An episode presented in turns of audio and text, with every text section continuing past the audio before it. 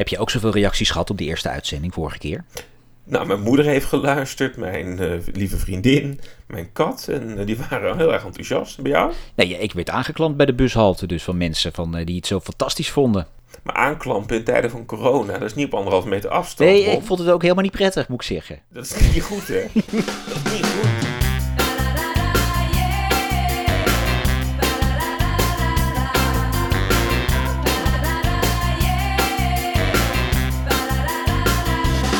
Welkom bij eh, een nieuwe aflevering van Daar bleef je voor thuis. De nostalgische podcast eh, waarin we tv-nostalgie recenseren. En wij, dat eh, ben ik, Ron Vergouwen en En Bjorn Bouwens.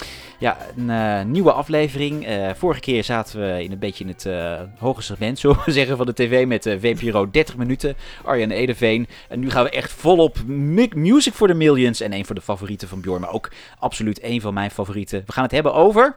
Now or never. Meneer nou en never komt straks over vijf minuten. Ik ben veel te laat. De wagen, snel, ook snel.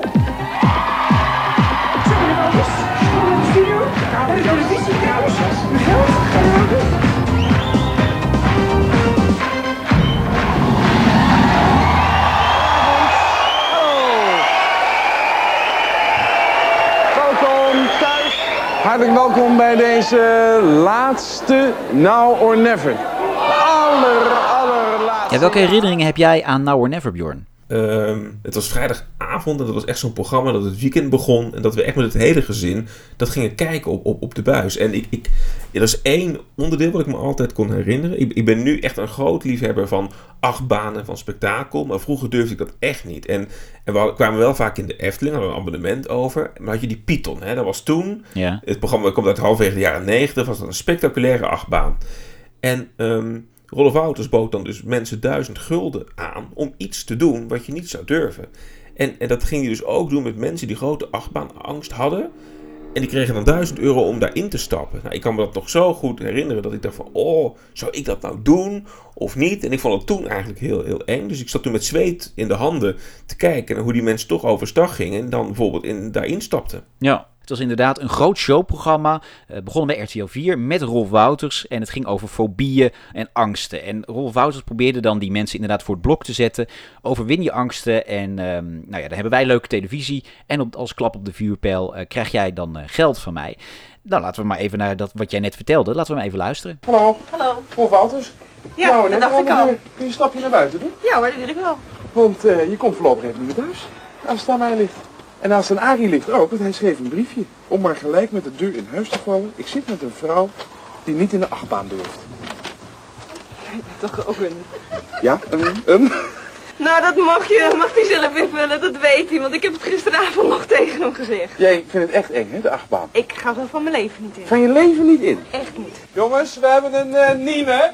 En wat dit is Annelies, wat zeggen we dan? Annelies, durf je in te stappen? Ik vind het wel heel erg. Je doet het?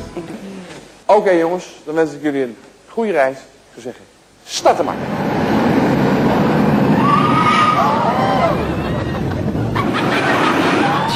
Achtbaan. Je kan er maar bang voor zijn. Eh, maar ik heb vooral heel veel herinneringen aan de dieren waar eh, Rolf Wouters dan mee op de proppen kwam. Want er was altijd bijvoorbeeld een muis of een vogelspin of een pad. Heel veel mensen waren natuurlijk bang voor dieren. Zachtjes. Zacht. Hij wil ook. Ja, hij wil eindelijk dat zoentjes Dat hebben. begrijp ik ook wel natuurlijk, ja. Jongen heeft smaak. Nou, Oké, Joyce, gaan we. oké. Een lief zoentje. There we go. Nee, lief. Ja, altijd lief. Niet praten. Lief. Lief zoentje. Lief.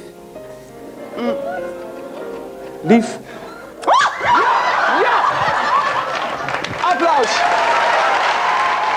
Fantastisch gedaan. En het was ook vooral eerst heel veel in de studio. Hè? Dus, dus er werden volgens mij in eerste instantie heel veel mensen in het publiek geconfronteerd met een, eh, met een angst. En om daar in de studio dan vervolgens wat mee te doen. Ja. Maar echt spectaculair werd het ook hè, op locatie. En die locatie begon een steeds grotere rol te spelen met de angsten die zich buiten de studio afspeelde. Ja, ja, die filmpjes, daar werd altijd heel erg eh, bij uitgepakt. Dat was echt wel nieuw in die tijd. Eh, want we hadden natuurlijk bijvoorbeeld wel ehm, de Surprise Show, waar Henny Huisman ook op locatie was. Maar dat was heel erg recht recht aan. En Rolf Wouters probeerde er echt wel filmisch iets van te maken. En dat deed hij samen met zijn vaste regisseur, Kees Jan den Daas. Ik, ik ken hem een beetje van de, tv-wereld. En nou, die heeft mij ook wel eens verteld dat nou de dingen die we daar met Rolf Wouters deden, daar daar werd uh, aan de ene kant van, van uh, Aalsmeer, want het, het kwam uit de grote fabriek van Joop van den Ende, Aalsmeer, uh, werd daar heel erg naar gekeken van wauw, wat zijn die, die qua jongens daar aan het doen. En aan de andere kant had je ook de, de, de wat traditionelere tv-makers die dat allemaal maar niks vonden. Maar die Kees-Jan en, en Rolf probeerden echt uit te pakken, probeerden dat filmpje aan te kleden met filmische elementen.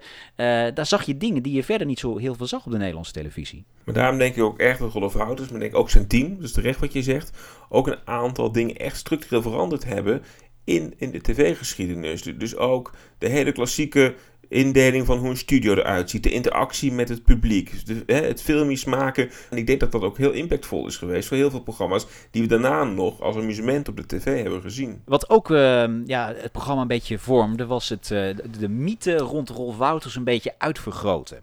Want uh, nou ja, hij was natuurlijk opgekomen in Hilversum als uh, presentator van bijvoorbeeld Liefde op het Eerste Gezicht en allemaal kleine programmaatjes.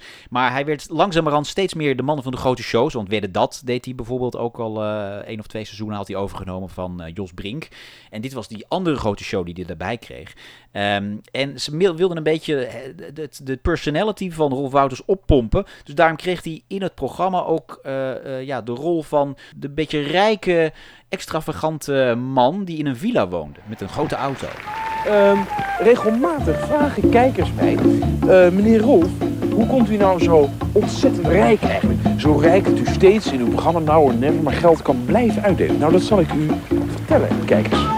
Ik woon namelijk op het enige echte belastingparadijs dat Nederland nog kent. Meneer Sean, start de, start de boot maar en regel ook even de wagen. Het is ook wel mooi hoe die dan bijna een soort van een, een, een soort nou ja, medialeven in scène zet. Hè? Want ja. voor mij past het helemaal niet bij de man. Want volgens mij had Rolf Wouters helemaal niet zoveel op met uh, uh, interviews en, en, en, met dingen over zichzelf delen. Voor mij maakte hij ook heel erg een knip tussen gewoon zijn tv-personality en de programma's die hij maakte. Maar hield zijn privéleven buiten schot. Het is natuurlijk wel slim dat hij daardoor maar gewoon dacht van... Joh, wat nou als ik een soort van fictief privéleven in mijn eigen programma stop. Ja, en het werd nog een keer uitvergroot door... Ja, die naam moeten we toch ook even noemen. De, de eeuwige assistent van Rolf Wouters. Meneer Sean. Meneer Sean. Ja, meneer Wouters. Werk aan de winkel. Uh, we gaan niet met de wagen, dus doe de, de chopper maar. Ja! Zo, hallo. Ja, Leuk, hè? Wat wel grappig is, hè, want volgens mij had het publiek wat naar RTL keek niet eens zozeer heel veel op hè, met, met een soort van rijkdom in die wereld die werd getoond. Maar toch, bij Rolf Wouters, uh, ja, die kwam daar wel mee weg. Ja, maar het is ook niet voor niks dat uh, hij was vooral heel populair bij jongeren. En op een gegeven moment, dat is even ja, een, media-ding, maar uh, de omroep Veronica, die werd onderdeel van het bedrijf achter RTL, Holland Media Groep. En Rolf Wouters verhuisde naar Veronica met zijn programma's, zoals Wedde Dat en nou ja, Now or Never dus ook. En dat moest het nog flitsender, nog dynamischer. En uiteindelijk is ehm, de vormgeving en het verhaal rond Now or Never is meer een, een hoofdrol gaan spelen en de... de de, en de fobieën, die werden meer, ja, gingen meer naar de achtergrond. Want ja, op een gegeven moment hadden ze ook alles al gedaan natuurlijk. Ja, dat is waar. En je zag ook wel gewoon dat ook wat er in de studio gebeurde, een steeds kleinere rol uh, speelde. Hè. Dus dat studioprogramma werd ook inderdaad veel meer inderdaad een soort van uh, programma over het leven van Rolf Wouters met meneer Sean. En inderdaad veel effecten, echt, echt die opkomst van Rolf Wouters. Misschien moeten we dat maar even laten horen. Dat duurde volgens mij twee minuten of zo.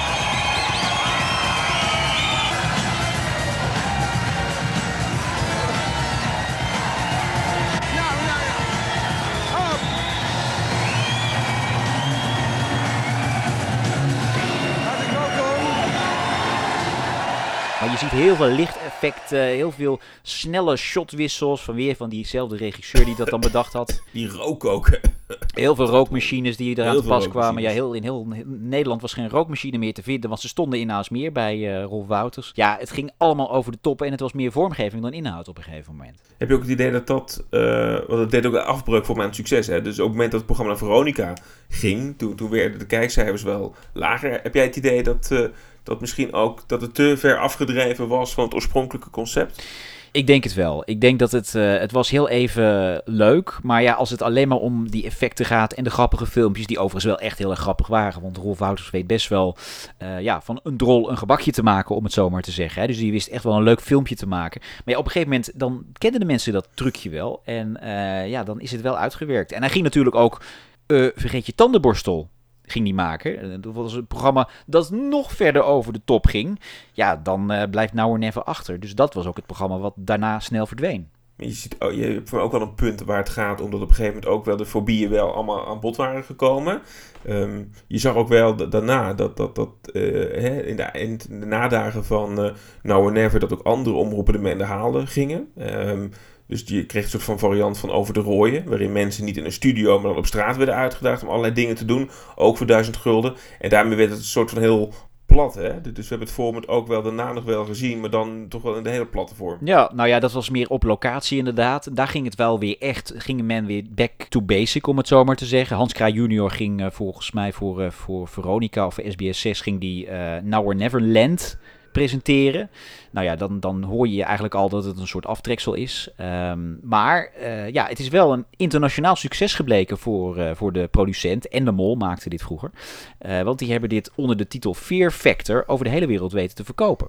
Ja, en dat is toch weer een Nederlandse product eh, wat eh, de hele wereld over gegaan is. Zoals er toch ook vele eh, hè, zijn gevolgd. Zeker uit die koken van John de Mol en vanuit Joop van de Ende. En ja, Rolf Wouters was echt een Van de Ende kind, hè, zou je kunnen zeggen. Ja. Dus er was natuurlijk een soort eerste grote reeks aan sterren. Hè, met Henny Huisman, André van Duin en Ron Brandsteder. Maar eigenlijk is Rolf Wouters, dat, dat is eigenlijk degene die daarna kwam. Hè, in de jaren negentig echt heel belangrijk was voor het bedrijf. Zeker voor de zenders RTL en Veronica. Maar ook echt vernieuwende formats heeft gebracht. Waarvan er een aantal dus de hele wereld over zijn gegaan. Waaronder dus eh Now or Never, net als Fear Factor. Nou, en wat ook wel een beetje het, het format Now or Never de das om heeft gedaan, is het feit dat eh, mensen op een gegeven moment niet meer geloofden, omdat die fobieën steeds gekker werden. Van eh, mensen zijn bang van de natte krant of zo. Ja, het zal heus wel bestaan. Maar mensen gingen echt denken dat die mensen die fobie bedachten om die duizend gulden te krijgen. Want dat was natuurlijk in het begin heel erg de stok achter de deur om die mensen die fobie eh, te laten ervaren. Maar uiteindelijk, ja, mensen zien dat er geld verdiend wordt. Ja, dan kun je op een gegeven moment ook niet meer 100% uitsluiten dat mensen zo'n fobie aan het faken zijn. Houdt u van knabbels? Nou, het is niet mijn hobby. Nee. Nee. Let op. Beste Rolf Wouters. Ik heb een vader. Hij kan absoluut niet tegen het gekraak van chips en borrelnootjes. Dat klopt. Ja. Vooral borrelnootjes niet. Mijn zus, Inge van der Meulen, en ik, Erik van der Meulen. Ben je Erik? Ja. Ja, precies. Hallo Erik, dankjewel voor de brief. We zijn gek op borrelnootjes en we mogen ze alleen nooit eten als mijn vader erbij is. Zelfs op zijn eigen verjaardag stuurt hij de borrelnoten de kamer uit. U, u vindt het een nageluid. ja, vreselijk raar geluid.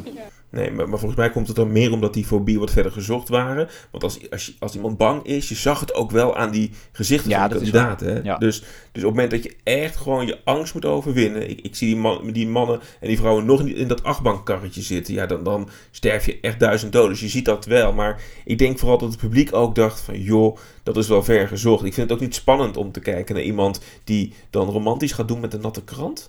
Hoe bedenk je het, Ron? Echt waar? Wat een zieke geest heb je eigenlijk. Goed. Ja, nou Hoef niet ja. alles te doen. Nee, dat is waar. Dat is waar. Nou ja, weet je, het, is in ieder geval in de origine is het een, een, een fan- fantastische variant op een, een, ja, een eeuwenoud eh, eh, amusementsvorm, namelijk het leedvermaak. Hè? Dus iemand Ja. vindt iets niet leuk eh, en wordt daarmee getriggerd om dat toch te doen. En dat, dat werkt. En dat heeft een aantal jaar eh, bij RTL 4 en bij Veronica hoge kijkcijfers opgeleverd. Het was echt een van de populairste programma's in die tijd. Overigens nooit een prijs gewonnen. Dat is wel opvallend. Nee, Net, net de platform, terug denk ik. Zou het kunnen komen? Ja, je kunt alles terug laten komen. Maar die, toen, toen ik het met Kees-Jan en Daas, dus die regisseur van Rolf Wouters, hierover had, toen zei hij ook van, ja, weet je, dit, dit kan je gewoon niet terugbrengen. A, omdat het gewoon veel te duur is. Eh, Zo'n show, eh, je zou volgens mij wel tien sponsors bij elkaar moeten vinden om dit nog betaalbaar te maken, eh, anno nu. En aan de andere, andere kant, ja, het trucje is wel uitgewerkt. En heel veel ehm, varianten zijn erop gemaakt. Maar ook heel veel afgeleiden zijn hiervan gemaakt. Er zijn heel veel programma's waar je onderdelen uit Now or Never in terugziet. Ja, ik denk dat er gewoon een soort andere genre inmiddels is wat er van de plaats gekomen is. Dus ik denk zoals wij nu genieten van Expeditie Robinson, hè, waarin ook mensen worden uitgedaagd in extreme omstandigheden. Dat zijn de programma's die volgens mij in dat stuk nu voorzien. En eh, nee, ik, ik, denk ook niet meer dat het nu zou kunnen. Ik denk ook dat dat de hele digitale revolutie, dat, dat je mensen ook allerlei challenges ziet doen via internet. En dat iedereen vlogt en blogt en daar een angst overwint en, en dat soort zaken doet. Ik, ik, ik denk dat dat uh, niet meer zou werken. Dus gewoon in een soort tv-format. Allemaal Golf Wouters natuurlijk echt wel terug van mij op tv. Het gaat ook gebeuren hè? binnenkort met, uh, met een nieuwe quiz. Nou ja, dat is eerder. Hij heeft natuurlijk een comeback al gemaakt bij Talpa in 2005 was dat. Met uh, sponsorloterij ja, dat is inmiddels weer 15 jaar geleden. Dus, het, het, dus het mag wel weer een comeback. Ja, en het geld is op. denk ik bij. Ja, Rolf moet toch weer aangevuld worden. Ja, op een gegeven moment, ja, je kunt wel in, in Portugal blijven zitten. Maar ja, dat, er moet gewoon weer geld verdiend worden. En dat, dat gaat hij doen. Want inderdaad, hij gaat een programma maken voor SBS6, een quiz. Het is even uitgesteld nu door uh, alle corona-ellende. Uh, maar het is de bedoeling inderdaad dat we hem later dit jaar weer op het scherm gaan zien. Ik ben heel benieuwd of hij nog steeds ja, de kracht heeft. Hij was eigenlijk de laatste generatie grote showmaster die we hadden in Nederland. Uh, ja, of die, dat, dat, die sparkle van toen, of die die nog steeds heeft. Ik hoop het. Ik ga wel kijken en ik hoop gewoon iets van die glim van toen weer op te vangen. Dat zou ik wel mooi vinden. Ja, en een snuifje nou en never erin. En meneer John, hopelijk zou meneer John nog leven, Ron. Nou, ik hoop dat die de coronamaatregelen overleeft. Oh mijn god, meneer ja, John. Ach, nou, als meneer Als u luistert, uh, laat ons even weten hoe het met u gaat. Dat uh, ben wel heel benieuwd. Brengt ons natuurlijk altijd bij de conclusie van, uh, van deze podcast. En dat is van ja, hoeveel sterren geven we dit programma nu? Hè? We, we ranken uiteindelijk ook die programma's van ster, met sterren. Eén ster, moi, we hoeven nooit meer terug te zien. Vijf, we vinden het briljant. Uh, ja, ik heb eigenlijk vorige, vorige keer heb ik dus eigenlijk al mijn vijf sterren verspeeld. Ja, dat heb je aan Arjen Edeveen gegeven met 30 minuten. Ja. Dus dat brengt me wel op de vraag van now or never. We hebben daar vandaag weer eens mooie herinneringen op gehaald. We hebben weer wat dingen teruggezien. Ron, uh, wat is jouw oordeel nu in tv-nostalgie over now or never? Nou ja, kijk, als je mij op de man afvraagt, uh, Rolf Wouters, dat vind ik een, een, een dat is een, een, jeugdheld. Dus de, die, die man zou, krijgt vijf sterren van mij. Maar uh, het programma Now or Never vind ik niet zijn sterkste programma. Het is wel een programma wat heel belangrijk is geweest voor het ontwikkelen van het genre wat hij heeft gedaan. Het heeft hem echt op de kaart gezet. Het was heel belangrijk voor hem. Maar het programma zelf komt niet verder dan drie sterren, denk ik. Het is lekker zuinig, maar uh, ik snap het. En uh, Bjorn, hoeveel sterren krijgt Now or Never van jou? Ik ben het een beetje eens dat het format inderdaad uh, misschien niet, niet het allerspectaculairste was. Dat, dat was toch wel heel eenvoudig. Maar ik denk wel wat het betekend heeft voor om op een andere manier tv te maken. Om jezelf als zo'n personality in je eigen programma te presenteren. Dat vind ik echt uniek. Ik ga iets hoger zitten, Ron. Ja, niet te zuinig. Ik maak er 3,5 ster van. Nou en even. Nou, dat is maar een half sterretje. Ja, ik bouw voorzichtig op. Hè. Ik piek niet gelijk in de eerste uitzending met 5. Nee, ja, dat is waar. Bij mij kan het alleen maar minder worden. Nou, tot zover, ja. uh, daar bleef je voor thuis met uh, deze aflevering over Now or Never. Uh, suggesties over welke programma's wij moeten bespreken kun je uh, mailen. Dat kan naar daarbleefjevoorthuis.gmail.com. Bjorn, dankjewel. Ja, en ik hoop dan leuke suggesties te hebben die we dan kunnen bespreken. En ja, anders gaan we gewoon zelf in de archieven duiken, Ron. Heerlijk. Dus um, ja, ook bedankt. Ik duik de archieven weer in en tot de volgende. Ik hoop niet dat mensen nou gaan komen met uh, rare suggesties als uh, Beertje Collagol of zo. Of waar we niks mee kunnen, weet je wel. Dat, uh, het is altijd gevaarlijk ja, om het publiek een stem te geven. Ik vrees ook dat iemand dan zegt van... Goh, ik, ik heb een leuke hond en ik, ik ben zo fan van commissaris Rex. kunnen u daar wat mee? Ik heb niks met Oostenrijkse honden. Laat staan dat ik daar een podcast over wil maken Precies, met jou. Ja, weet je, zullen we gewoon die mail niet gaan lezen? Dat we gewoon, ja, dat we gewoon elke die week... net lopen typen. Nee, dat kunnen we nee, niet maken. Nee, nee, we gaan het wel lezen. Is wel lezen. Wie weet welke Maar we doen er niks mee. in zit. Ja, precies. Maar mocht er een pareltje tussen zitten, is leuk, toch? Oh, we zijn maar begonnen.